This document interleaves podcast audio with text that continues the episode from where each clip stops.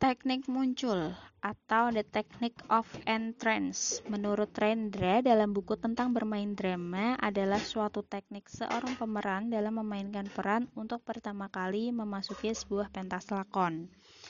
Pemunculan pemeran ini bisa diawali dengan pementasan pada suatu babak lakon atau pada adegan lakon. Pemunculan pemeran ini harus memberikan gambaran secara keseluruhan terhadap peran yang dimainkan.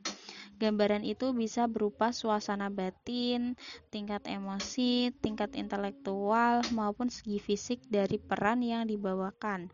Gambaran inilah yang akan mempengaruhi kesan, penilaian, dan identifikasi penonton terhadap peran. Tanpa penggambaran peran yang jelas, penonton akan kesulitan untuk mengidentifikasi peran tersebut.